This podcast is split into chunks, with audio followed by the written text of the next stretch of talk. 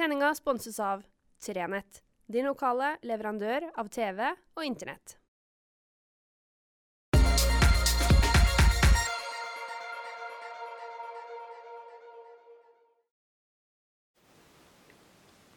Riktig god fredag.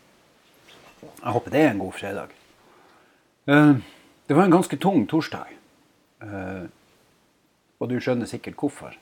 Eh, 22. juli er langt ifra en enkel dag. Det er en dag som er Selv om han sjøl bare var en bivåner til det hele, en som sto der med haka langt ned på brystet og ikke skjønte hva i all verden at det kunne gå an i vårt trygge land, så er man jo berørt. Jeg hadde bekjente som ble ramma. Jeg har sjøl vært på Utøya. Som purung ung gutt så var jeg på Utøya på midten av 80-tallet. Å kjenne øya som et fantastisk sted å bli kjent med andre folk. Spilte fotball der, bada der. Møtte mennesker. Satt våken til langt på kvelden og hørte på musikk og prata. Kan ikke minnes at jeg var spesielt politisk aktiv eller smart, men jeg var der og har minner derifra. Og så ser man altså denne øya igjen på TV. I gru. Og vet at det er unge mennesker, like gamle som jeg var den gangen, som er blitt skutt og drept. Skutt og skada. Merka for livet. Drar ifra den øya fullstendig traumatisert. Og bomba i regjeringskvartalet. Der jeg tilfeldig for noen dager siden så et innslag på NRK og oppdaga at ei dame, den gang ei jente, som jeg lekte med i Kirkenes, som liten gutt, at hun var dem som hadde måttet springe ut, klatre over ødelagte trapper, puste inn betongstøvet inne i høyblokka mens hun tok seg ut derifra. Først for noen dager siden fikk jeg vite at hun Audgunn var av dem. Jeg har ikke møtt henne siden jeg var en liten gutt, men det var veldig rart å se henne igjen og kjenne på at jeg kjenner noen som var der. Og jeg gruer meg til denne praten. Fordi at det er vanskelig å snakke om 22. juli. Det er vanskelig å snakke om den fordi den gjør vondt, og det er Du vet, jeg vet jo at, at jeg har jo ikke, jeg er ikke i nærheten av å kjenne på kroppen hva det her er for noe. Men jeg kan ane det som pårørende. Jeg har sagt det et par ganger tidligere. Jeg mista mora mi brått og veldig uventa i ei trafikkulykke i Tromsø. Hun var riktig uheldig og ble påkjørt av en traktor i Grønnegata. En sånn greie som heller ikke skal skje. Det skal på sett og vis ikke gå an å bli ihjelkjørt av en traktor i, i, byen i Tromsø, men det skjedde. Og, og, så måtte vi i familien lære oss å leve med det. Og for noen av oss så var det lettere i gåsøya enn for andre.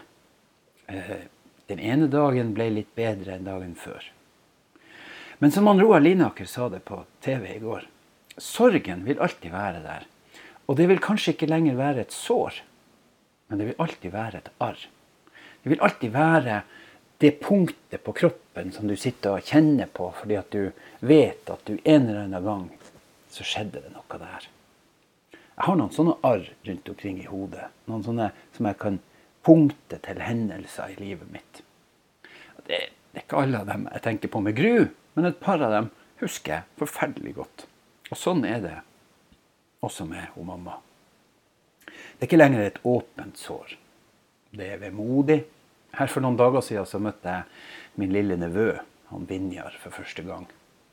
Eh, og jeg satt, Han var fem-seks uker gammel og lå i ei vogge, som for så vidt søsknene mine har ligget i tur og orden. Og Han lå der og pludra og var veldig til stede, og jeg satt ved siden av og prata med han. Og plutselig så tenker jeg på mammaen min, som ikke skal få lov å, å møte han Vinjar. Han Vinjar som ikke skal få lov å møte min mamma, som var et, syns jeg, fantastisk menneske. Hun fikk være bestemor for mine to. Og jeg så for ei utrolig fin dame hun var. Og det å kjenne på den sorgen og det vemodet over at hun ikke skulle få lov til det, at de ikke skulle få bli kjent, det gjorde at jeg tok til tårene. Arret åpna seg litt. Jeg hadde pilka bort litt rur. Og sånn er det. Og sånn er de her markeringene. Sånn er markeringen rundt 22. juli. Vi pirker bort. Og for noen så er det fortsatt et åpent, betent sår. Og for noen så kommer det til å være sånn kanskje hele livet. Aldri mer, sa vi i dagene etter 22.07.2011. Men vi har ikke klart å opprette, vi har ikke klart å fylle det. Fordi at vi har egentlig i for stor grad overlatt det til alle andre. Vi i media har i for stor grad sagt at uh, eh, venta egentlig på at AUF skulle liksom være dem som sa aldri mer, og liksom tok den jobben. Og, og, og dere har jo tross alt, osv. Men det her er ikke deres jobb. Det er ikke AUF sin jobb, og det er ikke, det er ikke Erna sin jobb eller, eller, Trygve eller hvem det er. Det er deres jobb også. Men hvis vi skal få stoppa retorikken, hatet, ekstremismen, så må vi alle være med. Alle vi som tror på noe annet, må si ifra. Og vi må si ifra på alle de plassene der vi ser det. Og vi må våge å skrive imot når vi ser at det er ekstremisme, rasisme, overgrep som foregår i skriftlig form. Da må vi være dem som snakker, som skriver, og som sier at det her er ikke greit. Det her er ikke sånn det skal være. Og Hvis vi får sagt ifra tidlig nok, så kanskje kan vi stoppe flere Manshauser og Behring Breivika fra å utvikle seg fra noe som kanskje ikke var så farlig, til å bli noe som bokstavelig talt er livsfarlig. Og der er flere sånne som sitter rundt omkring. Og det vet vi. Det vet vi fordi at det er bare å følge med, så dukker det opp en sjelden gang. Men hvis vi kan være med og bidra i den jobben, og ikke bare forvente at alle andre skal gjøre det, så er det en mulighet for at vi kan oppnå målet om aldri mer. Men da er det som sagt ikke en jobb som alle andre må gjøre. Og det er det som er vanskelig. For det er så mye enklere å si at andre fikser opp i det. Jeg som, som journalist møter det veldig ofte.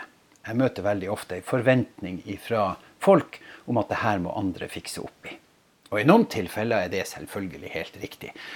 Du kan ikke gå ut som normal pendler med bil og liksom si at 'nei, i dag fikser jeg 866', eller 'ja, nei da, jeg, jeg tar nå bare og, og ordner denne skredsikringstunnelen'. Selvfølgelig ikke. Men, og da, det, da, da må vi si fra og kreve.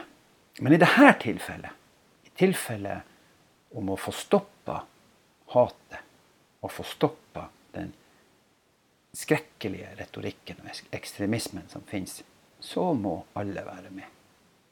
Da må vi ja, Det kan ikke være en dugnad, for en dugnad er en sånn hyggelig greie som vi liksom gjør i lag. og så, ja, Det her er en kamp.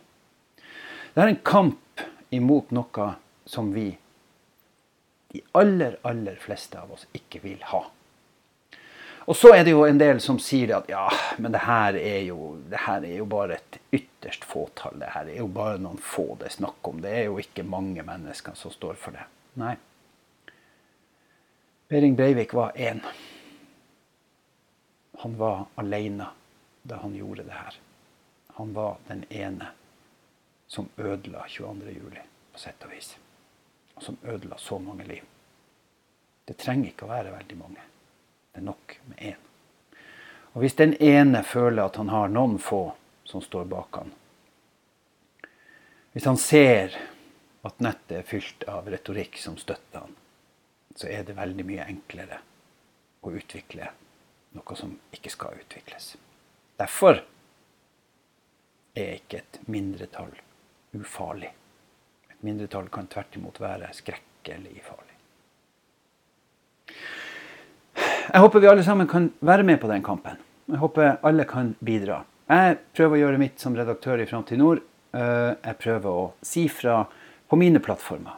Men jeg kan ikke gå inn og redigere andre sine plattformer.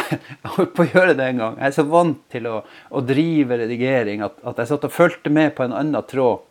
Og, og, og, og plutselig så, så, var jeg der og skulle prøve å slette et eller annet uh, på en annen sin tråd.